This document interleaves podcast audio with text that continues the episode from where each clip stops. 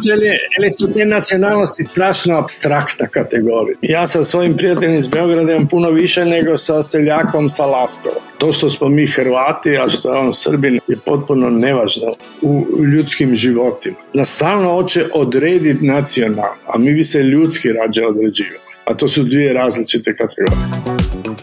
Slušate podcast o Dobrodošli u Odomaćene, podcast koji vam donosi drugačije priče iz emigracije. Naš današnji gost je velikan jugoslovenske kinematografije Rajko Garlić. Takođe, govorimo i o jednoj pojavi specifičnoj za Holandiju, a to je da deca od 12 plus godina mogu da budu zaposlena. Dobrodošli u našu drugu sezonu. Ako vam je ovo prvi put da nas slušate, red je da se predstavimo ponovo. Zdravo. Mi smo Olja. Zdravo. Ema. Hello. I Jan. A ovo je podcast koji je nastao zato što nismo nismo bili ničija ciljna grupa pa smo rešili da budemo sobstvena. U ovoj sezoni izlazit ćemo na svake dve nedelje, što znači da će vas nova epizoda od domaćenih čekati svakog drugog petka. Možete nas slušati gde god da slušate podcaste. Znam da ako ste iz Srbije, verovatno to radite na YouTube-u, ali smo i svugde drugde. Dakle, da li ste na Spotify-u, da li ste na Apple Podcast, da li ste na Overcastu, da li ste... Idite na naš sajt i vidjet ćete spisak svih servisa gde se nalazimo, a verovatno smo i na nekim servisima koji nam nisu na spisku. Također bi nam značilo i kada bi nas zapratili, saskrajbovali, podelili na našim društvenim mrežama, na YouTube-u, jer nadamo se da ćemo se uskoro monetizovati. A kad smo kod toga, mi smo nezavisni medijski projekat, što znači da nismo ni na čijem platnom spisku, i što također znači da nas možete podržati putem Patreona, patreon.com kroz odomećeni. A možete nas podržati i jednokretnim uplatama na Paypal. Sve linkove ćete naći u opisu ove emisije ili na našem sajtu odomaćeni.com. Na početku svake emisije pitamo se šta ima novo. Stiže nam proleće, a stiže nam i Marina Abramović. A stigao nam je i skandal sa teretnim biciklima. Holandski proizvođač teretnih bicikala Babu povlači 10.000 svojih teretnih bicikala zbog toga što se ispostavilo da su nebezbedni. Ja ne znam da li sam pre dolaska u Holandiju ikada uopšte i video teretni bicikl, a onda me je iznenadilo da se u njima uglavnom prevoze deca.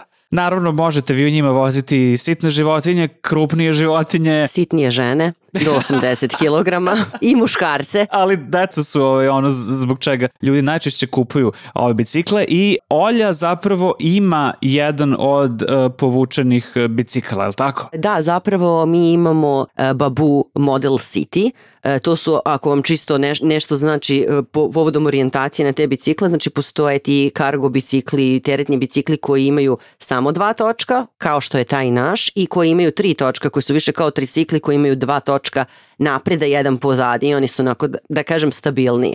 E sad, važno je za nas koji živimo u uskim uličicama amsterdamskim, je bilo baš važno da imamo ovaj sa dva točka i sad se zaista pitamo šta ćemo da radimo i šta će biti dalje sa ovom celom pričom. A kada kažemo da su nebezbedni, šta to tačno znači? Šta, šta se desilo? Desio se skandal da je otkriveno da je preko 6000 žalbi bilo korisnika za konkretno ova dva modela, znači za City i Mini, da su bukvalno pukli na pola bicikli, to jest ti njihovi ramovi, odnosno te korpe, kako god ih nazovemo, prikolice koje stoje napred. I to zaista može da bude jako nebezbedno, pogotovo ako se desi u vožnji, pogotovo kad se voze deca, znači stvarno je jedna ozbiljna i opasna stvar, s tim da izgleda da su proizvođači malo zanemarili u početku te žalbe, da bi se onda to ispostavilo da je mnogo više ljudi obuhvaćeno i da je zaista jedna bezbedonosna problematika ogromna. Sada više ne mogu da zanemaruju, došlo je do određenih instanci i sada je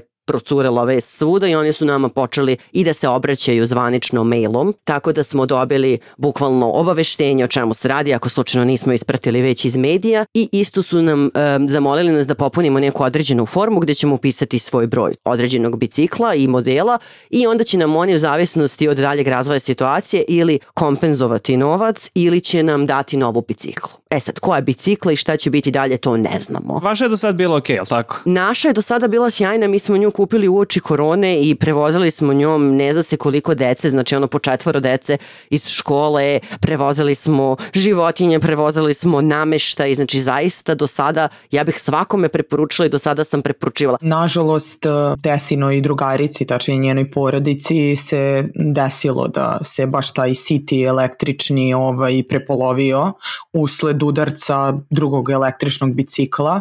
Mislim da su oni bili jedni od prvih koji su i krenuli sa tim tužbama, ovaj, tako da eto, sjajno je što se reaguje i vidjet ćemo kako će sve da se završi. Ja, ja ovaj, jedva čekam da završim ovu priču u nekoj sledećoj emisiji, naravno sa srećnim krajem. Ok, idemo na lepše teme. Rekoh već, stiže nam Marina Abramović, to smo već pominjali u našoj posljednjoj emisiji prve sezone velika retrospektivna izlužba njenog rada počinje za nešto malo više od dve nedelje u Stedelijk muzeju u Amsterdamu. Dakle, od 16. marta do 14. jula najveća retrospektiva Marininog rada u Holandiji. Znate da je njena karijera počela u Beogradu, ali je ona deo svog ranog opusa zapravo stvorila i u Amsterdamu. Tu je upoznala i svoju ljubav svog života Ulaja. Sve se uklapa. A, stiže nam i proleće. Opet kreće proleće. O ne, alergije. Jedno čekam proleće, cveće, ptice, sunce. Ja, znam da ti živiš, ali ptice i cveće su već krenuli. O, ovaj februar je bio, kako već, najtopliji februar u prethodnih koliko? Od vremena pa do sad. klimatske promjene, jej, ali ne, ovaj, zapravo bilo je toplo, ali bilo je dosta kiše, a zbog svega toga čini se da su neke biljke malo poranile, tipa ja nisam navikao da trešnje cvetaju već krajem februara, ali ove godine su cvetale. Kod mog komšije su procvetale ruže, a evo gledamo upravo sa prozora u koja samo što nije. Proleće u Holandiji je moje omiljeno godišnje doba, baš zato što sve cveta. Znate da je Holandija poznata po lalama, za lale ima još vremena, nisu još spremne, ali recimo početkom marta, stvar na koju sam svake godine išao prvih nekoliko godina života u Holandiji je festival trešnjenog cveta koji se održava u Amsterdamskoj šumi. U mom komšiju komšiluku. Sad ih ima još par po Holandiji, tipa Almere ima neki deo grada gde ima dosta trešnjog cveta, tako da i one imaju lokalni festival. Festival trašnjeg cveta u Amsterdamskoj šumi organizuje japanska zajednica u Amstelvenu i oni uvek e, gađaju moment kada ima najviše trešnjenog cveta a to se ne može baš predvideti mnogo unapred, tako da oni to uglavnom objave na Facebooku ili drugim društvenim kanalima nekih 10 dana do 2 nedelje unapred. Tako da ako vas ovo zanima, nađite ih. Možete se pretplatiti na newsletter Amstelven Z opštine, to je Amstelven opština ili pratiti njihovu grupu Facebook e, ili jednostavno ih zapratiti na Instagramu, oni će tu obavestiti čak, ja mislim da je 5 ili 7 dana ranije kad planiraju da otvore kapije te bašte. Nego, ljudi, šta ima novo kod vas? Nismo ovo radili jedno mesec i po zapravo. Pa svašta i ništa. Uglavnom, nama je obeležilo ono od sredine januara, bukvalno do prenedlju dana bolesti, i to dečje bolesti, kolektivi, koje nisu neke bolesti velike i problematične, ali ono najgore, ono 37 sa 5, e, slinci i kašljanje i onda to tako u krug. Znači čas suprug, čas ja, čas deca i onda taman jedan završi i onda drugi. Jedina nekada kažeš svetla tačka i interesantna meni je lično bilo putovanje u Zagreb na vikend, to sam išla povodom svoje edukacije, ali sam iskoristila onda malo i da se vidim s dragim ljudima malo prvi put i da obiđem jer sam imala prepodneva prvi put slobodna da obiđem neke malo kulturne ustanove. Išla sam na izložbu Ivana Meštrovića povodom 150 godina od rođenja koja je bila fantastična i ono od srca preporučujem jer trebalo bi da traje još nešto do sredine marta. Mislim da su čak produžili i radno vreme zbog velikog interesovanja tako da stvarno sam uživala u Zagrebu i bilo je toplo. I tada je bilo nekih 20 stepeni, što je za februar. Dobro, i ono što je najvažnije, u Zagrebu si kupila novu knjigu Rajka Grlića. Naravno, naravno, našeg gosta, tako da bit će priča o tome. Ja sam zaista preležala nepreležane dečije bolesti, imala sam streptokoke u grlu i longinu prvi put u životu. Nažalost, zbog toga smo morali da otkažemo put u Srbiju. E, šta ćeš u Srbiji, već si bila. Ali smo otkazali skijanje ovaj, jer nema snega na planinama, tako da ovaj, sve to deo eh, eh, globalne zavere protiv mene da napustim Holandiju. I klimatskih promjena koje ne postoje. A ti, Jane, gdje si ti bio i šta si radio? Ja sam išao na odmor u Švedsku. Wow, toplije krajeve. Ej, a znaš šta, mnogo je lakše podneti hladnoću tamo nego ovdje, zato što je vazduh tamo mnogo suvlji. Ovdje nekako osjećaš zimu u kostima, a tamo sam išao raskopčan na ono minus, minus četiri, minus pet. Ja sam uvek u Švedskoj jako srećen. Kad odem u Švedsku, ozarim se kao Srbi kad odu u Nemačku. U Švedske. Vas dve ste takođe radile na organizaciji nove fešte umeđu vremenu i ona je za par dana i kako je opet fešta kao bila je prošli put kad smo snimali. Obrni, okreni, fešta je uvek, ono kao konstanta. Fešta je stanje uma. Tako je, fešta je stalno, samo povremeno imamo ta, da ona tačke okupljenja Dobro, čekaj, ajde ovako, za, za ljude koji nas slušaju prvi put, šta je zapravo fešta? Fešta je zapravo nastala spontano, tako što smo Olja, Marina, naša drugarica i ja odlučile da raširimo naše druženje na još žena i zapravo Upravo sada slavimo prvu godišnjicu, ovo će nam biti četvrta fešta po redu. Prvu smo imali prošle godine za 8. mart u Amsterdamu, ova četvrta će biti sada u Tilburgu, prošle kao što znate bila u Rotterdamu i u suštini mi žene se eto skupljamo, jedemo lepo, popijemo, e, zabavimo se, upoznamo neke nove komšinice, drugarice, e, što bi rekla Tesa i Holandjani napravimo novu drugaricu. Dakle, fešta je žensko okupljanje koje se deš dešava tri puta godišnje da li još ima karata za ovu ili je sve rasprodato? Ostalo je još dve, tri kartice koje mogu, a ne moraju da se popune, ali ako je neko baš zainteresovan, neka se javi meni ili Emi u inbox. I do sad ste osim žena iz Holandije imali i žene iz Luksemburga i žene iz Nemačke, je li tako? Tako je. Znači naša priča se proširila što je divno i volili bismo da bude još više žena. Naravno nekako Nemačka, Luksemburg i Belgija su najbliže i žene su se potrudile i došle. I jako interesantno interesantno baš to posmatrati kome je bliže i lakše da dođe do Amsterdama, kome je lakše sada da dođe do Tilburga ili Rotterdam koja je bio negde na sredini. Tako da smo kao neki karavan dobre ženske energije. Ali ovo su znači žene s Balkana, mislim da li smo pomenuli naravno iz naše regije. Video sam jedno slično kupljanje u Nemačkoj uskoro. Da, naša draga drugarica Spo je odlučila da i ona napravi svoju feštu u Minhenu. Mi se nadamo da će toga biti svuda. Tako da bih zamolila sve da ako imate neka ovakva dešavanja, okupljanja, što god vam je interesantno na lokalu, šire, u vašoj regiji, i nebitno da li je Holandija, Nemačka, eh, Belgija, da slobodno nam pišete tamo gde nas slušate eh, ili na Instagramu ili na Facebooku, jer ćemo mi rado to da podelimo i na našim mrežama i da spomenemo u podcastu. Nemojte da se stidite, slobodno pišite nam. Da i ne mora to da bude nešto formalno, nemojte da zamišljate to sad nešto, nego apsolutno i ovakva neka spontana poput naših. Možete nam poslati e-mail na redakcija A sada da vidimo vidimo šta se dešava u Holandiji u narednih par nedelja. Ema, izvoli. Šta se dešava u Holandiji? Pa dešava se svašta. Za početak sutra, 2. marta, Rotterdamska noć muzeja od 8 uveče e, sve do 1 za ponoći.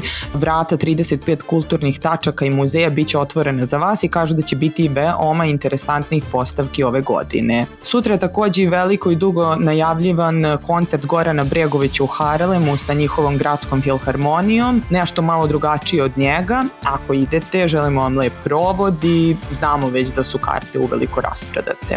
Tu je i Cinemazija Film Festival od 5. do 10. marta u Amsterdamu. Ovo je jedan od najvećih i zapravo najdužih filmskih festivala posvećen azijskoj kinematografiji.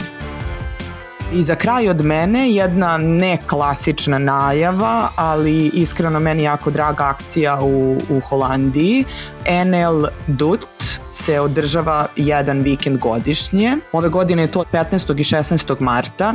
To je akcija neprofitne organizacije Orange Fonds gde vam oni pokazuju holandski pristup volontiranju. Prosto je napravljen da vidite kako vi možete da se uključite u to ako želite i da li vam se to uopšte i sviđa, pošto je to u Holandiji e, nekako sveopšte prihvaćeno i uglavnom svaka porodica ima barem po jednog ili dva volontera na njihovoj web stranici znači nldoet.nl e možete da pretražite po svom poštanskom kodu gde imate i koje volonterske aktivnosti ovog vikenda 15. i 16. marta i da se prijavite i probate.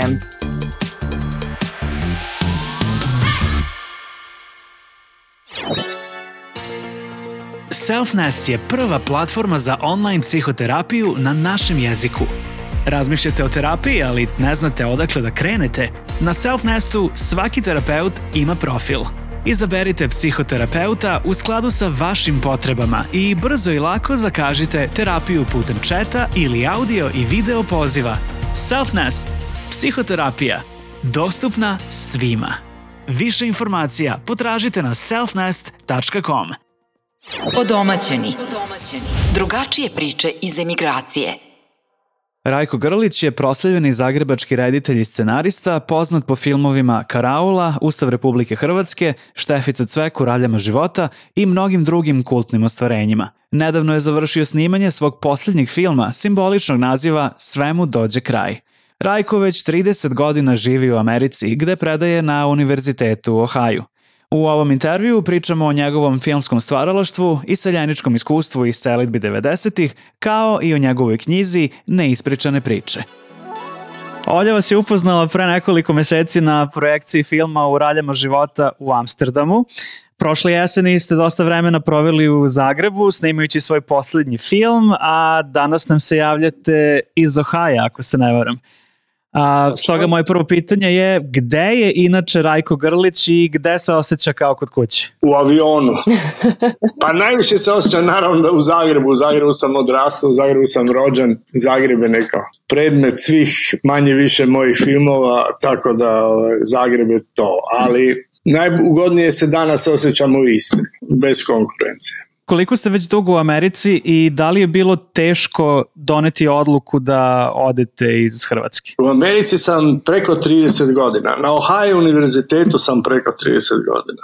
Mene je zadesila Amerika. Ja sam bio na Fulbretu kad je počeo rat pa je moja obitelj uspjela pobjeći iz Zagreba koji je bio pod sirenama i ne znam šta i sa Dušanom Jovanovićem preko njih došla do Los Angelesa. Tamo smo ostali da nam čerka završi školsku godinu, vratili smo se u Zagreb i shvatio sam da sam na svim crnim listama mogućim, da ne mogu praviti ni reklame, ne mogu ništa, da ću biti jednostavno gladan. Bio sam predmet čestih novinskih natpisa, bio sam izdajica, bio sam kurvin sin, sve ono što ide uz to.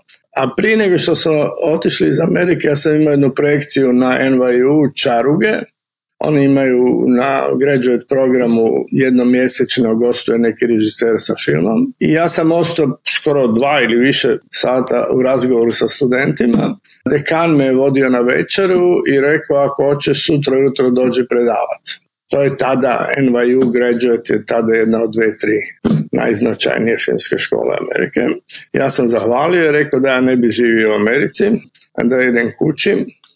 Oni su bili dosta uporni, to im zahvaljujem, i nekoliko puta su tokom ljeta zvali da pitaju da li sam se predomislio oni su osigurali stan, osigurali su za čerku školu, jako su si dali truda da me dovedu. I ja sam shvatiši šta je, jednostavno ovaj, rekao idemo vidjeti to. To je na godinu dana, to je visiting profesor i dobio sam da vodim na graduate programu režijski masterclass prve godine, drugu godinu je vodio tada Spike Lee, a treću Arthur Penn, to je bila velika šminka, kad ste u takvoj šminci, onda svaki drugi tjedan dođe poziv iz neke škole da dođete predava, da budete direktor neke škole. To je onako, kad igrate u A ligi, onda vas pofalički stalno zove da pređete kod njih. I onda je došao jedan nadrealan poziv koji je bio van svih profesorskih kategorija. To je takozvani eminent scholar i onda sam sjeo sa svojim dekanom i on je rekao, odi to vidjeti, to se dobiva jednom u životu. Ja sam otišao to vidjeti i meni meni se činilo da je to idealna kombinacija za mene jer su imali neki novac za projekt. Ako radim svoje projekte ne moram predavati, ne moram tu uvijek biti i tako dalje i tako dalje. To je izuzetno slobodna pozicija. NYU je bio beskonačno fer i rekao ti nećeš tamo izdržati duže od tri mjeseca, tamo možeš samo igrati golf i ništa drugo čak me dekan vodio na svoj teren da me uči golfu, jer ja nikad nisam igrao golf, jer je rekao ne možeš doći nepismenu u golfu u Ohio, što ćeš tamo raditi. I čuvali su stan i poziciju, godinu dana, vrlo su bili fair. Ja sam zauzet, morao studentima napisati da ću se vratiti, ali sam počeo u Ohio raditi jedan projekt u koji su oni uložili veliki novac, to je taj CD-RAM, interaktivnu filmsku školu, to je trajalo 4-5 godina, to je dobilo Grand Prix New Yorka za najbolju svjetsku multimediju. To sam u Rotterdamu jednom pokazao kako i šta to funkcionira i tako sam ostao jednom malom univerzitetskom gradiću koji je čak prije nekoliko godina proglašen za najljepši mali univerzitet. To su oni univerzitetski gradovi u kojima nema ništa drugo osim univerzitet. Zelena travica, ciglane kuće, jedan studenta koji se u petak navečer moraju napiti, sve ostalo su ili profesori ili pizza makeri ili barmeni. To je takav jedan grad u kojem ne morate ništa zaključavati, onako idealni Peyton place neki. I ja sam se tu osjetio jako dobro, ako mi je trebao shelter, ako mi je trebao neko sklonište, ovo je bilo idealno sklonište. I to sklonište funkcionira već 30 godina. To vam nije bio prvi put da boravite van Jugoslavije, studirali ste u Pragu, pa ste sredinom 80-ih imali stipendiju u Njurku, a početkom 90-ih rezidenciju u Kaliforniji. Možete li da uporedite te ranije boravke van Balkana sa selitbom? Kad čovjek ode studirati, kad ima 18 godina, to je jako bolno Srđan Karanović i Goran Marković su kad su došli godinu dana svako veće išli na kolodor u Pragu da gledaju vlakove za Beograd od silnog sentimenta. Kad si mlaci vrlo ranjiv, imaš neku djevojku tamo, imaš neko društvo tamo, odjednom je to neki drugi svijet. Prag je srećom bio za nas veliko otkriće, jer je bio svijet neke kulture, bio je neki pravi srednjoevropski grad i živio je na potpuno dvije ravni. Jedna je bila ova oficijalna siva, dosadna, stari staljinistička, strašna i ima ispod toga sloj te kulture koja je bila fantastična. Tih stotinja kazališta, kina, underground mjesta za čitanje, za jazz, tako dalje. Politika je to dozvolila od straha da to ne pređe u pobunu, ali ta kultura je zapravo došla glave tu politike. Ta kultura se uspjela osnažiti i baciti tu onda su došli Rusi, onda smo mi protestirali, onda je jedna iluzija propala i tako dalje. A što se tiče ostalih odlazaka, bio sam na Kolumbiji godinu dana, bio sam jedan od četiri prvih Sorošovih stipendista. Nisam ni poznao Soroša, Soroša sam upoznao kad je došao na premijeru, samo jedna se ljubi u Carnegie Hall u New Yorku. Danilo Kiš, Dušan Ivanović i ja smo bili prva trojica iz kazališta, filma i književnosti u New Yorku. Ja sam bio na Kolumbiji, oni su bili na NYU. To je bio prvi boravak u New Yorku, prvo zaljubljivanje u New Yorku. U York kad se jednom zaljubite, ne varate ga s nijednim drugim gradom poslije. Bio sam zatim u Los Angelesu, a na UCLA-u, in Residence. To nije moj cup of tea. To je jedan smešni grad, razvučen, jedan zverinjak u kom svako pokušava doći do svojih pet minuta slave. Milion vucibatina i milion fantastično talentiranih ljudi se miješaju i pokušavaju nešto iskopati. Tamo sam imao prvu ponu ponudu američku za neki Foxov televizijski film Tjedna se tada radio. To je bilo deset puta veći budžet nego bilo koji film koji sam do tada radio, ali to je bila kao potrošna roba. I kad sam shvatio da režiser u toj postavi što nude nema nikakvu moć da mu biraju glumce, scenarija, da mu neko sedi i tako dalje. A sam shvatio da to nije nešto čim bi se ja igrao, da sam ja odrastao u filmovima kućne radinosti i da mi se to dopada i da me industrijska proizvodnja nekako ne zanima. Ali onda sam ovo što sam ispričao, došao je rad, došlo je sve to skupa, došlo su te etikete i ja sam otišao u New York, iz New Yorka smo otišli ovdje i vjerojatno da nije bilo moje supruge, ja se nikad ne bi vratio. Ona je imala tezu da mi ne mogu ukras zemlju neki idioti i da je to glupo se ne vratiti. Tako da se mi zapravo živimo na dvije noge, sve manje u Americi, sve više u Hrvatskoj. Sve filmove sam radio tamo, što po Europi, što u Hrvatskoj. A s druge strane, meni je draga ta Amerika, jedino su ti avioni strašno. To je tih 20 sati koje je potrebno od Zagreba do Ohaja je u mojim godinama nepristojno teško. U to ime da li sebe vidite kao hrvatskog ili jugoslovenskog reditelja? Ja sebe vidim kao redatelja, a onda mi može prišit kogod hoće šta god hoće. Ja sam zagrebački redatelj. A sad šta Zagreb momentalno spada kao u koju državu, to je stvar politike, ne mene. Prethodnih 30 godina jedan deo vašeg profesionalnog života odvijao se na engleskom jeziku. Ipak vaša rediteljska karijera nastavila je da se odvija na našem jeziku. Zanima me zašto je to tako i da li e, snimati naše filmove nakon selibe inostranstvo bilo lakše ili teže? Čovjek radi filmove onome što zna ljudima koje zna i za koje vodi neku brigu i htio bi im nešto učiniti. Ja sam ovdje 30 godina u Americi, ja imam iluziju da znam Ameriku, ali mene Amerika ne boli što ja kažem. Hrvatska me boli.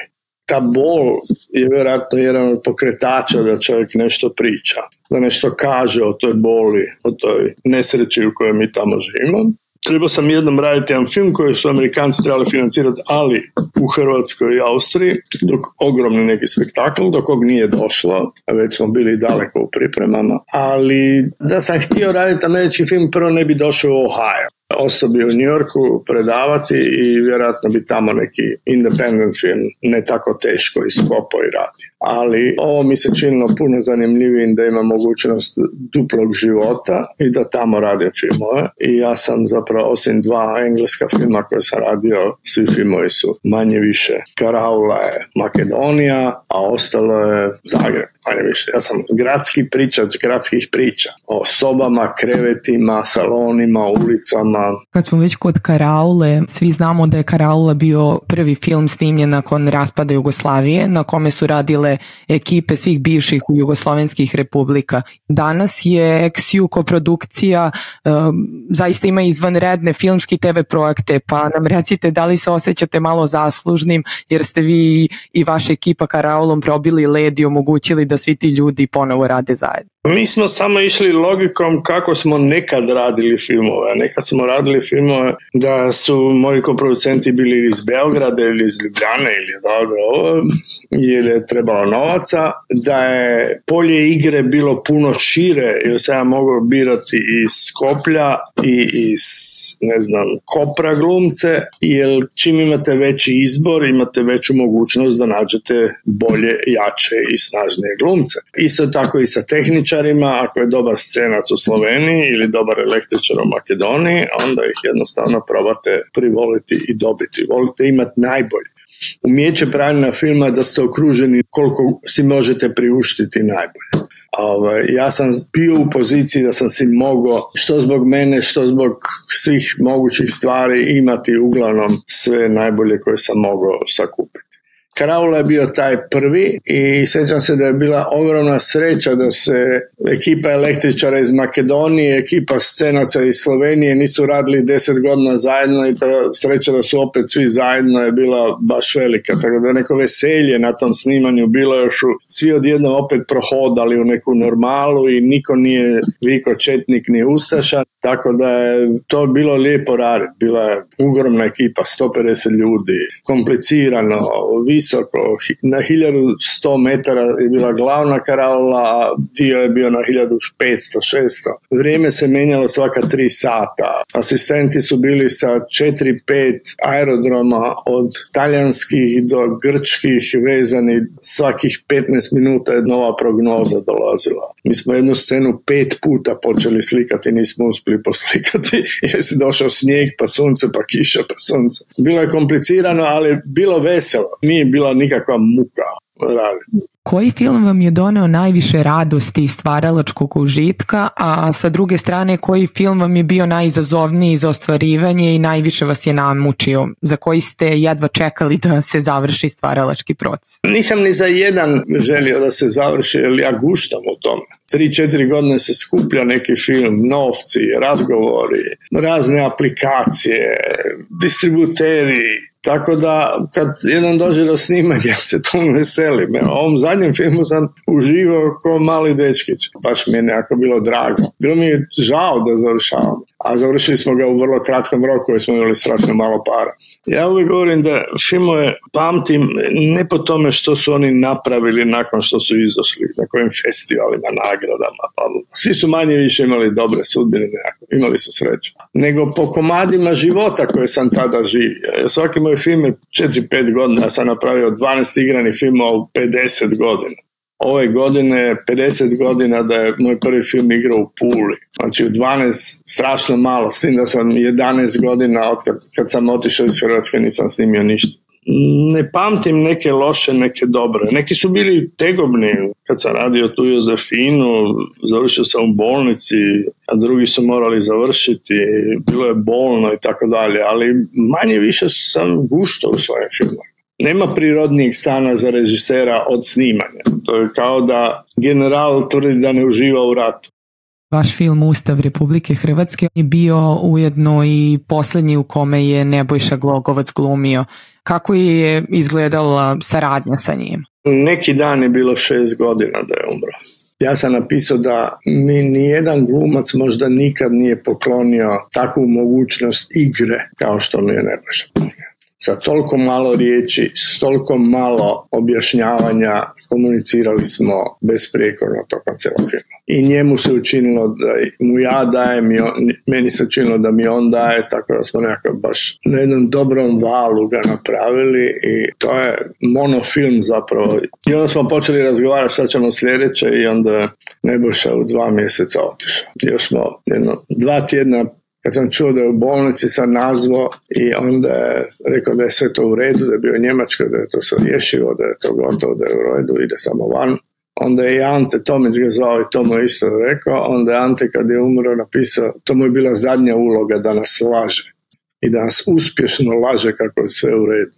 To je bio strašan grdo. Šteta, jedan beskonačni talent, onako, jedan tihi miran ubojica koji može igrati onako, a da se ne pomakne. Što je neko rekao, nema glumca koji tako dobro može šutjeti kao što šuti Nebojša Glogovac. To je točno. Slušate podcast o ja sam se jutro vratila iz Zagreba, tako da sam baš rako e, sveže i pod utiskom i našla sam vašu knjigu, ovu najnoviju, jer u Srbiji je rasprodata koliko sam vidjela. Ne, ne, sad je izašla. U Srbiji je oko nove godine izašla ovo isto izdanje. E, sjajno. I evo, apropo knjige, ja bih se sad malo nadovezala. Znači u knjižari vaš ljevak na trgu Bana Jelečić je vaša knjiga ispričane priče izložena na centralnom mestu, znači na onom prvom stolu. Kako dođete, ja sam baš razmišljala da, idem da pitam ove knjižarke za knjigu i ona kao čekala me, tako da sam se baš oduševila. Ovo je dopunjeno izdanje, prvo je planulo u Beogradu i u Zagrebu, a promocija vaša je bila veliki književni događaj. I kakav je uopšte osjećaj biti prisutan sad na ovaj drugačiji način u vašem rodnom Zagrebu? Ta knjiga je neko isto veselje je donijela. Te promocije su bile jako dobre, bilo strašno puno ljudi, to se dugo potpisivalo, to svi mogući prijatelji i nepoznati došli i to je lijepo. Knjiga je neki intimniji odnos sa čitaocem nego film. Film je, publika je dosta abstraktna za mene.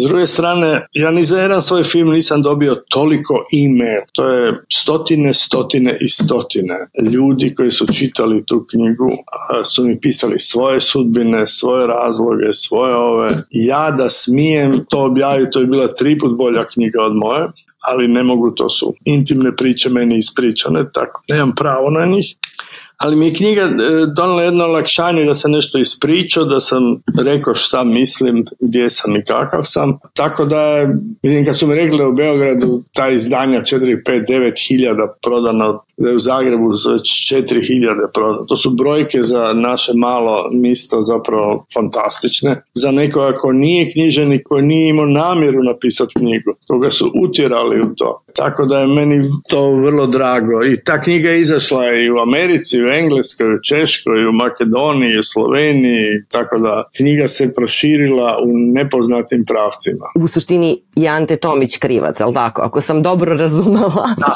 da, da, da, on i Marina Da, da je vaša namera bila da ovo stvari budu neke privatne beleške koje biste uobličili malo za ćerku i za svoje unuke u budućnosti da čitaju kroz šta ste sve prošli i taj deo porodične istorije, ali da li ste, niste pokajali ipak što ste je obznanili širim narodnim masama? Nisam se pokajao, ne, baš sam jučer sa suprotno razgovara, jer su tu počeli, kako čitaju i u našem malom selu. Nismo bili sigurni da li ima smisla Znate, to je ipak egzibicionizam. A ja sam se cijeli život klonio bilo koje privatnosti, odbio sam sve intervjue i naslovne stranice sa suprugom i djecom i te sve kičaste stvari sam probao izbjeći u životu. Tako da je ovo bilo pitanje da li u taj egzibicionizam uči ili ne.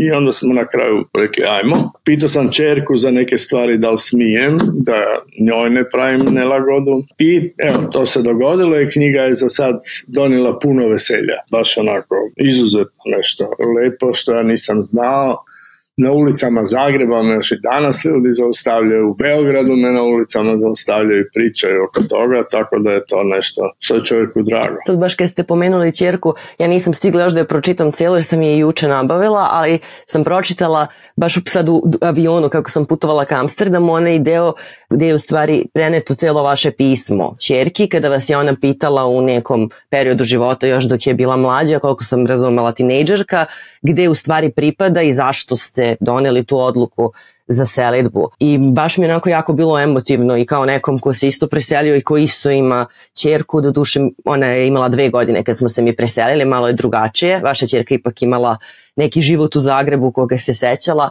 tako da eto čisto bih vas pitala malo o tojim izazovima i roditeljstva i privatnog života, osim što ste poznata ličnost i otac koji je jedna gromada intelektualna i nosi već neku određenu težinu za to dete, ali i ceo ovaj teret emigracije i koliko je to bilo i pozitivno i negativno na neki način? Pa to je bilo vrlo bolno. Ona je imala deseta godina, taman je sama mogla ići u obližni park sa prijateljicama, taman je počeo neki život. Mi smo živjeli relativno dobar život i odjednom smo se našli u malom stančiću u Los Angelesu su došli, spavali na podu. Ja sam imao Fulbreta koji je bio uzet jer je išao iz Jugoslavije, iz Beograda, pa kad se Hrvatska odvojila onda mi više nisu davali. Morali smo čekali da se ona završi školu. Ja sam tražio konobarski posao po Los Angelesu, nisam nalazio, bio sam prestar.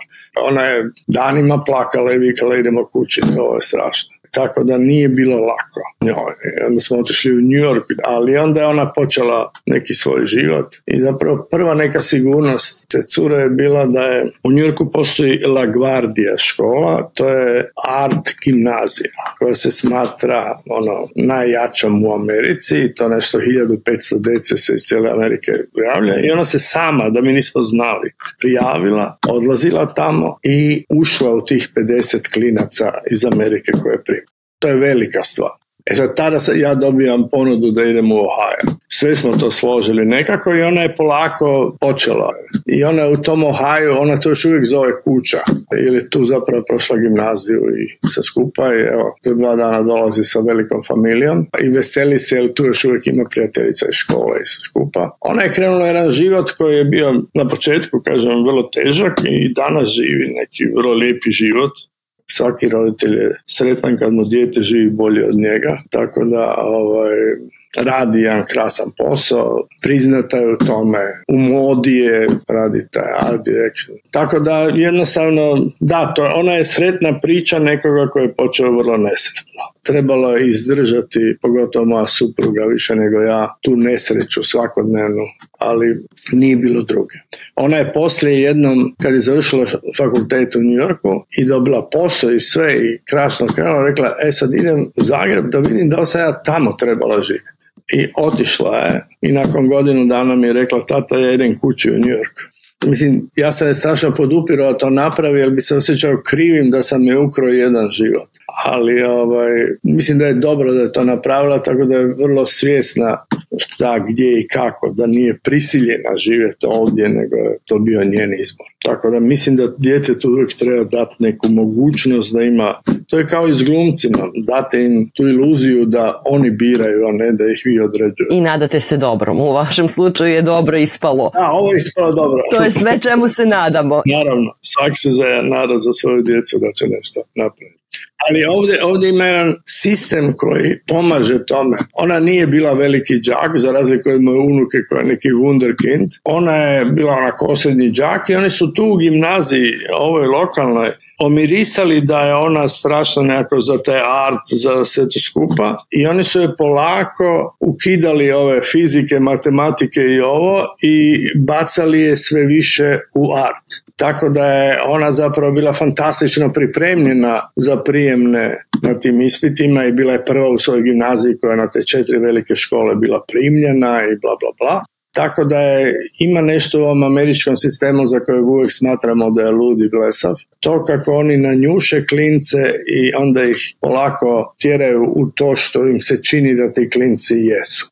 To je velika stvar. A pritom roditelji se ne moraju u to miješati. To je baš sjajno. Ne ono kod nas da se samo gura kad čovjek je u nečemu loše, onda baš samo uči onda tu matematiku ili tu fiziku, umjesto da ih usmjeravaju baš tome što teži, u čemu su dobri. Ne, ne, oni imaju, ja gledam sad svoju unuku, ona ima sve A plus u životu, ovaj, od kad je ušla u školu do danas. Njoj su, moje čeljci su predlagali da, kad je bilo u šestom razredu osam da pređe u devet I ona je sad ušla u tu gimnaziju, ona već je u matematici u trećem razredu, bez obzira što je u prvom. Oni to odmah njuše i odmah usmjeruju gdje šta kako. Tako da je to čovjek ima neko povjerenje. Mi uvijek smatramo da su te škole lude i loše i ne znam šta, ali postoji neka ogromna briga u tim školama za te klince, što je mene uvijek impresionira. Ti profesori se zaista trude, oni to svačaju kao dan kad je ona ušla u te velike fakultete, da su oni slavili, oni su bili sretni, jer su oni odgovorili neko dijete koje nešto uspjelo napraviti. Jel?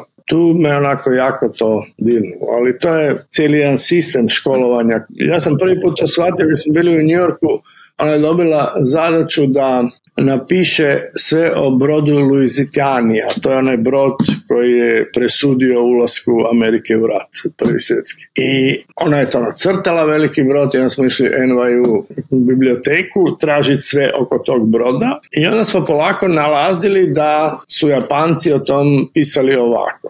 Da su Njemci pisali da je brod bio pun oružja i da su ga to potom. Englezi koji su htjeli da Amerika uđe u rat su pisali da je brod bio pun djece koje su ubijene od Njemaca. I sad odjednom to dijete svača puno važniju lekciju od toga da zna koje godine i kojeg datuma se potopio brod. Ona prije svega svača da postoje različiti pogledi na povijest i da postoje različiti interesi u toj čeprkanju po povijesti. To su lekcije koje kad učite samo da je taj dan i to i to, zapravo nikad ne stičete. Oni uče kako učiti, što mislim da djecu priprema više za život nego faktografija. Pogotovo danas kad je faktografija zove kompjutere potpuno besmislena. Vratila bih se još malo samo na knjigu, znači uprkos svemu što se vama dešavalo i što ste iskusili na svojoj koži od Hrvatske i od Zagreba, osjeća se vaša neka težnja za povratkom u Zagreb.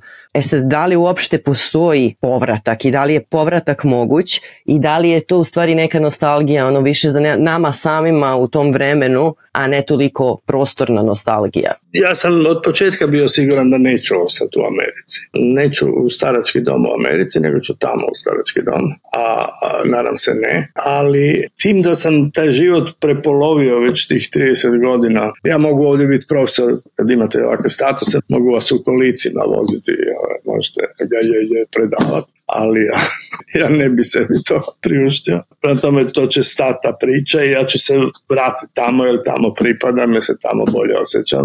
Vratit ću se u Istru vjerojatno gdje se najbolje osjećam, a e, posvetit ću se vinu i hrani jedinim ozbiljnim stvarima u mojim godinama ja sam igrom slučaja imao sreću da se mogu vratiti. Ajmo to tako reći. Ja sam uopće imao puno sreće u životu, pa je to bila jedna od tih sreća da smo neko sagradili neki most preko kojeg možemo se vratiti. Ova knjiga je bila više intelektualni, neki, što ja kažem, Ivica i Marica u šumi ostavljaju mrvice da bi se vratili. Tako sam ja te priče ostavio kao neki mogući put ka povratu. U knjizi ste citirali vašu koleginicu Ruth Bradley, koja je rekla, sad ću da citiram na engleskom pošto ste napisali, There are only two possible stories. A man goes on a journey or a stranger comes to town. U vašem slučaju vi ste onaj i koji je otišao, a i stranac koji je došao. I sad koliko je to uopšte oblikovalo i vaš identitet i sve ono što vi jeste u ovom trenutku? To oblikuje vjerojatno više na što je čovjek svjestan. Ja sam tamo i napisao da kad jednom stavi život u kofera, to sam je napravio s 18 godina, zapravo više ga nikad ne vadiš iz tog kofera. Taj kofer je nešto što te označuje. Dom je tamo gdje ti je kofer u tom trenutku. Prema tome, ti si svugdje i nigdje. To s jedne strane za pričača poput mene je dobro jer imate mali odstup od svake od tih stvarnosti. Niste uronjeni glavom unutra da ne primijetite šta se s tom stvarnošću događa. Ja sam držao taj neki odstup i to mi je drago. S druge strane, povremeno čovjeku teško da baš je svugdje gost. I ja pokušavam da to ne bude. Mislim da ovdje jesam gost od 30 godina mislim, lokalno me smatraju lokalnom životinjom, prema tome ja sam uspio do toga doći, ali, ali ja sam gost i moj pogled na Ameriku je pogled čovjeka sa strane. Da sam odlučio ovdje ostati, vjerojatno bi dublje uronio, ono, ali ja sam možda upravo od straha da ne uronim preduboko ostao na površini a koliko je u stvari i egzil promijenio vašu vizuru prostora Balkana i koliko je to u stvari i neka malo i kletva, pomalo i blagoslov i koliko je to uticalo na vaš stvaralački put posle od 2001. pa nadalje? Pa uveliko, sigurno. Pogotovo sam ja 90. kad je sve počelo i kad je bilo jasno već par godina prije da će doći do nečeg strašnog. Nismo znali kojih dimenzija će to strašno biti, ali bilo svi signali su bili ispaljeni. Bilo je lako čitati da tragedija dolazi, samo nismo znali da će tragedija imati takve razmjere da će ovi koji se dogovaraju za tu tragediju, da će im se iz te kutije izroniti toliko zločina i toliko krvi. Ja mislim da je to promijenilo moj život, ja mislim na bolje čak. Da sam dobio taj neki osobi, dobio sam neku sigurnost, ta e, Amerika mi je dala neku sigurnost. Da ne moram imati nikakvih skrupula prema onome što mislim da treba kazati ili onome što treba snimiti. U mojem poslu, u mojim godinama je to strašno važno. Da imate taj osjećaj neovisnosti, da ne morate nikog moliti, ne morate kumiti, ne morate se nikom dodvoravati, ne morate s nikim biti lažno dobri. Taj osjećaj je ogroman i to što moja supruga kaže, mi sve zahvaljujemo Tuđmanu. Da nije bilo njega, mi nikad to ne bi postigli. Da li se i koliko osjećate delom bogate tradicije naših umetnika disidenata s jedne strane, a s druge strane delom možda neke XU dijaspore? Da li se uopšte identifikujete s tim pojmovima? Pa ne, ne, sa XU ja sam dolazeći u Ameriku puno puta uglavnom sretao u hrvatsku dijasporu koja je bila tako čudesno ustašoidna, ove, ovaj, tako da nisam imao velikih nostalgija za, ovaj, za tom dijasporu. Sredo sam i divne ljude koji su vodili fine restorane i koji nisu bili dio toga, ali ove, ovaj, Dijaspora moje generacije je dijaspora za koja ja tvrdim da nije otišla iz političkih razloga kao što se to često misle. Otišla je da negdje radi svoj posao, da negdje živi neki život, da negdje ima neko veselje i pravo na neko veselje. Čak to nije ni ekonomska emigracija, to je emigracija nesreća to je nešto što je mene oblikovalo, ali ne, ja, ja se osjećam pripadnikom jedne kulture koja je šira od granica država u kojoj ja tamo živim. Ja mislim da ta neka, kako god je zvali, južnoslavenska, jugoslavenska i ne znam kultura je uvijek bila nešto što je međusobno komuniciralo. Jugoslavenska ideja je rođena u Zagrebu što je nespretno i nezgodno danas reći u Zagrebu, ali to je od svih njih, to je Zagreb je koljevka takozvane panslavenske u tim južnoslavenim. Ja komuniciram sa ljudima iz Makedonije, Slovenije, Beograda, Sarajeva puno lakše nego sa nekim iz Zagreba koji je heavy nacionalista koji ima jednu dimenzionalnu. Jednostavno postoje ljudi koji imaju neke šire poglede. I druge strane ima ljudi koji su ostvarili nešto što je mama rekla jednom kad sam kretao, molim te druži se samo s uspješnim ljudima. Nisu frustrirani, nemaju te svoje nesreće koje svaljuju na te. Tako da ta neka komunikacija, ja svaki film otvaram od Skoplja do Ljubljane u sedam dana. Jer ja mislim da je to polje moje igre, to je mog jezika, to je polje gdje ja mogu nešto kazati i govorim nešto o ljudima koji to mogu možda prepoznati. Prema tome, ako tamo to ne, onda nemam nigdje drugdje polje. A opet ste na neki način jako vezani za Zagreb i to isto i kroz knjigu i ovako kažete da, da pre svega kao po nacionalnosti ste Hrvat, ali u stvari to sužavate na onako jedan lokal patriotizam, kako bih rekla, vezan za grad isključivo. Zato je, ali su te nacionalnosti strašno abstrakta kategorija. Mislim, ja sa svojim prijateljem iz Beograda imam puno više nego sa seljakom sa Lastovom. To što smo mi Hrvati, a što je on Srbin, je potpuno nevažno u ljudskim životima. Nastavno stalno hoće odrediti nacionalno, a mi bi se ljudski rađe određivali. A to su dvije različite kategorije. Šta biste preporučili e, mladim umjetnicima, znači koji tek počinju da se razvijaju i da traže neki svoj umjetnički izraz? Možda neki konkretni savet koji se premišljaju uopšte da li je imigracija put za njih, koliko je to teško i koliko je to na kraju plodonosno ili nije? A emigracija je sigurno najteži put, ja ne znam težak. Jer kad raskrstiš jednim životom i počneš živjeti neki drugi život, je pitanje koliko onog života želiš prenesti u ovaj život, a koliko ga odreš, odrezati. To su sve vage koje su vrlo intimne u svakom čovjeku. Tu nema recepta, nema savjeta, nema... Ja uvijek kad me pita da li ima smisla vanić studirati film, ja kažem ima ako hoćeš ostati van. Onda ima ako hoćeš raditi filmove kod nas, onda ostani jer ćeš upoznat ljude, ćeš... Ovo, ako se ide van, treba se ići strašno mlad, dok još su ti korijeni ne tako duboki. Kad se to lako prereže i negdje zasadi. Ja sam otišao sa 47 godina, to je strašno. To je ono, već drvo za a ne za Ako imaš 20 godina, ako hoćeš se kockat sa životom, ako te zanima, ako imaš hrabrosti, a za to treba neka ljudska hrabrost, onda odeš.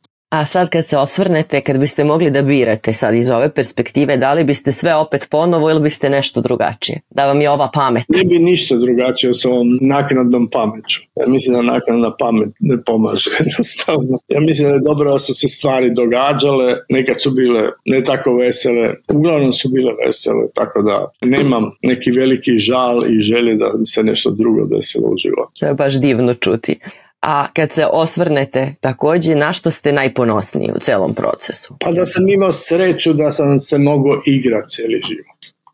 Nema veće sreće. I za kraj, pošto naš podcast zove se o domaćini, već sve vrijeme smo o tome i pričali, ali ovako, ako biste mogli da sažmete, gde se Rajko Grlić osjeća domaćino? Pa vjerojatno Zagreb, ajmo reći, mislim, jer je to strašno dugo, to je 77 godina, to je čovjek je tamo negdje. Ovaj. Bez obzira koliko je taj grad posto ružan i neugodan i sve skupa žalostan, ovaj, to je ipak neki moj grad. A Istra je neki moj izborni grad, izborni kraj Ja uvijek kažem kad ste rođeni u gradu, fali vam zavičaj. Ovaj, ja sam Istru proglasio svojim izbornim zavičajem.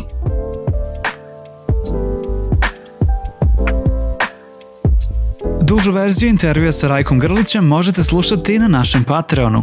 Pored ostalog, Rajko nam je ispričao kako je nastao Ustav Republike Hrvatske, zašto je nama kao ljudima sa Balkana, ali i njemu kao reditelju svojstven humor kao odbrambeni mehanizam, a pričali smo i o rasizmu na Balkanu. Morate se naviknuti za 10 godina će palac igrat Hamleta u Hrvatskom narodnom kazalištu. Morate živjeti s tim da su ljudi različiti i da je pleme nije više pleme koje ima zatvorene granice. To je već rodilo enormnu mržnju nacionalista najviše koristi imaju Srbi, jer sad više nisu meta broj jedan. Sad su Nepalci postali najgori Srbi. Tamo narod nije naučen na različitost. Ni u socijalizmu pretjerano, a pogotovo kad je nacionalizam preuzeo kormilo u svim tim državama. Također smo razgovarali i o njegovom posljednjem filmu, festivalu nesliminog filma i kulturnom životu Zagreba. Duže verzije intervjua možete slušati na našem Patreonu, gde nas možete podržati za samo 5 evra mesečno. Slušate podcast o domaćeni. Pre nekog vremena provao sam mesec dana u Portugalu sa drugaricom koja je iz Portugala i onda smo, kako to obično biva, u jednom trenutku završili u supermarketu i tražili smo preporuku za vino.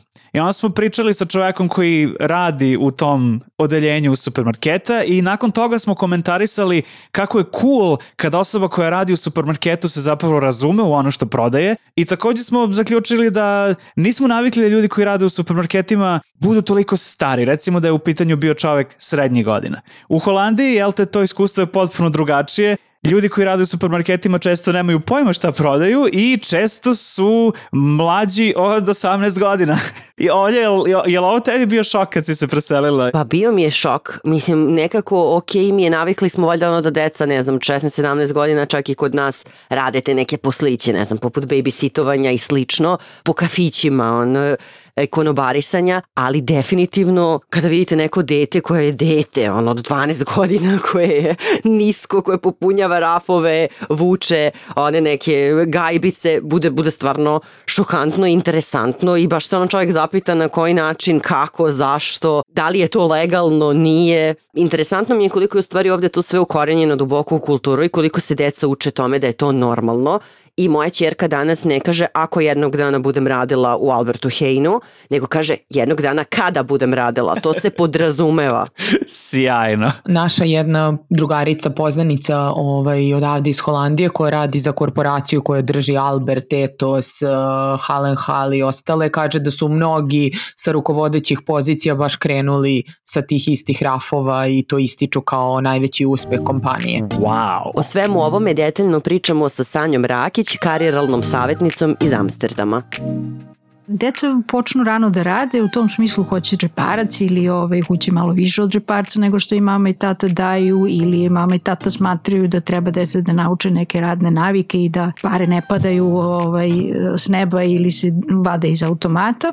U svakom slučaju to je vrlo jedan eh, stabilan deo holandskog vaspitanja gde deca počinju u određenom dobu da rade. Postoje zakonske regulative kako se to radi, od koliko godina deca mogu da počnu da rade, postoje ovaj, liste plaćanja, e, šta je minimalno, šta može za koji uzrast da se plati i uglavnom počinju, mogu najranije da počnu sa 13 godina recimo da nose one brošure iz prodavnice da dele ljudima po kućama, reklamne ovaj, foldere, to onda rade u svoje vreme posle kad završe školu i to je nešto par sati nedeljno. Često počinju kasnije od recimo 15 godina u Albert Heinu ili u Dirku ili u ovim raznim samoposlugama, Jumbo, e, onda se pakuju rafovi. Tu niko ne radi puno radno vreme i ne može zakonski regulisano tako da to, da to ne može, nego uglavnom je par sati jednom, dva puta nedeljno, jednom u subotu, najčešće u subotu, subotu je najveća gužva naravno pa treba sve da se popakuje, nedeljom je najveća bitka onda se, zato što se duplo plaća, pa bi svi hteli nedeljom da rade ove ovaj, ceo dan, Međutim, to je pitanje kao prestiža, pa onda oni koji tu malo duže rade, pa onda oni mogu i nedeljom da rade. Inače, ovaj, eh, je potpuno regularno, masovno deca rade, po par sati još jednom, onda se to isplati jednom mesečno ili jednom u četiri nedelje, neka dobiju neki poklončić, po meni vrlo zdrava navika. Apsolutno se puno nauči od toga, da imaš obavezu, da odeš negde i tako dalje. I da uradiš ono što se od tebe očekuje, isto tako da radiš u kolektivu, da imaš nekoga ko ti je nadređen, koji ti kaže šta treba da uradiš, pitaju te ljudi nešto recimo samo posluzi, pa onda moraš da se raspitaš da vidiš ljudi deca postaju odraslija zbog toga i svesnija određenih obaveza i kako to funkcioniše a drugo i nauč bolje kako s tim parama koje dobijaju šta rade s tim novcem da li ga štede, da li, da li hoće za nešto više pa onda štedi neko duže vreme ili ga odmah potroši, to je onda na njima, ali u svakom slučaju da znaju kako to funkcioniš. Za mene što je bilo interesantno onda kad sam ja došla i videla kako to sve ide, je da sam ovaj, videla da i drugovi moje dece regularno radi oni čiji znači, mami i tati imaju velike firme i, i zarađuju jako puno i žive u velikim kućama. Tako da je ovaj, pomislila sam da je to nešto što je jako dobro. Nekima to deluje kao sjajna praksa za stvaranje radnih navika i za sticanje odgovornosti, kao i upravljanje novcem. Dok nekima sa strane možda deluje da je ovo kao neko izdrabljivanje dece. Šta misliš i šta bi rekla tim ljudima? koji su zabrinuti. Ja lično sad ne mogu da kažem uopšteno, ali ono što sam ja do sada videla i što vidim iz svoje okoline za sve ove godine da nisam videla ništa negativno u tom smislu. Ne vidim da je izrabljivanje zato što svako dete izabere ono što, što mu odgovara. Ovaj, ona, zavisi ko šta voli da radi i šta mu je zgodnije da radi i šta je, recimo to samoposluge ovaj, i to pakovanje rafova, to je vrlo rašireno među, među ljudima i ne vidim da je nekom nešto škodilo. Sad moguće ako neko ima neka negativna iskustva, ne kažem da ne postoje, ali ovaj, eh, ne vidim ni da je izrabljivanje, jer uglavnom deca sama to hoće. Nekako je atmosfera takva da ovaj, kad svi tvoj drugari ono tri četvrt razreda ili više već negde radi i onda kaže o kako ste, kad ti radiš u subotu da je onda i tebi ovaj, to regularno da i ti hoćeš to da radiš. Tako da još jednom lično nisam doživjela da, da neko ispriča neko negativno iskustvo, moguće da ih ima, ali ih ja, eto, ne znam. Kojim konkretno poslovima su se bavila tvoje deca ili njihovi drugari i čija je inicijativa bila da krenu da rade? Da li je to poteklo od njih ili ste ih vi usmerili? Pa čini mi se da su oboje naše dece ovaj, sami krenuli. Isto tako zato što su svi njihovi uh, drugari radili pa su onda i oni uh, hteli. Moja čerka je uglavnom čuvala decu, to je to je bilo, ja mislim da je sa tim počela, onda je posle toga držala časove dodatne e, nekoj drugoj deci, to je ona sama organizovala sve. U prodavnici je kasnije radila, ali su to bili više ovaj, e, onako butik za garderobu. Naš sin je počeo u Albert Heinu i onda je tu bio neko vreme, pa je onda bio jedan bliži jumbo, pa je onda prešao u taj jumbo da radi, a sada pored škole raznosi hranu za Tajus Bezorad. Stigli smo do kraja prve epizode druge sezone podcasta o domaćini. Zaprati, podeli, podrži o domaćine na platformi na kojoj slušaš. Hvala. Ukoliko vam se sviđa ovo što radimo, mnogo bi nam značilo da nas podržite i na Patreonu i na Paypalu. Čujemo se ponovo za dve nedelje. Potrudit se da epizoda ne kasni. Može da kasni, ali iz dobrog razloga, ali ne mogu da pričam o tom razlogu još uvek. Pratite nas. I čujemo se. Ćao. Ćao.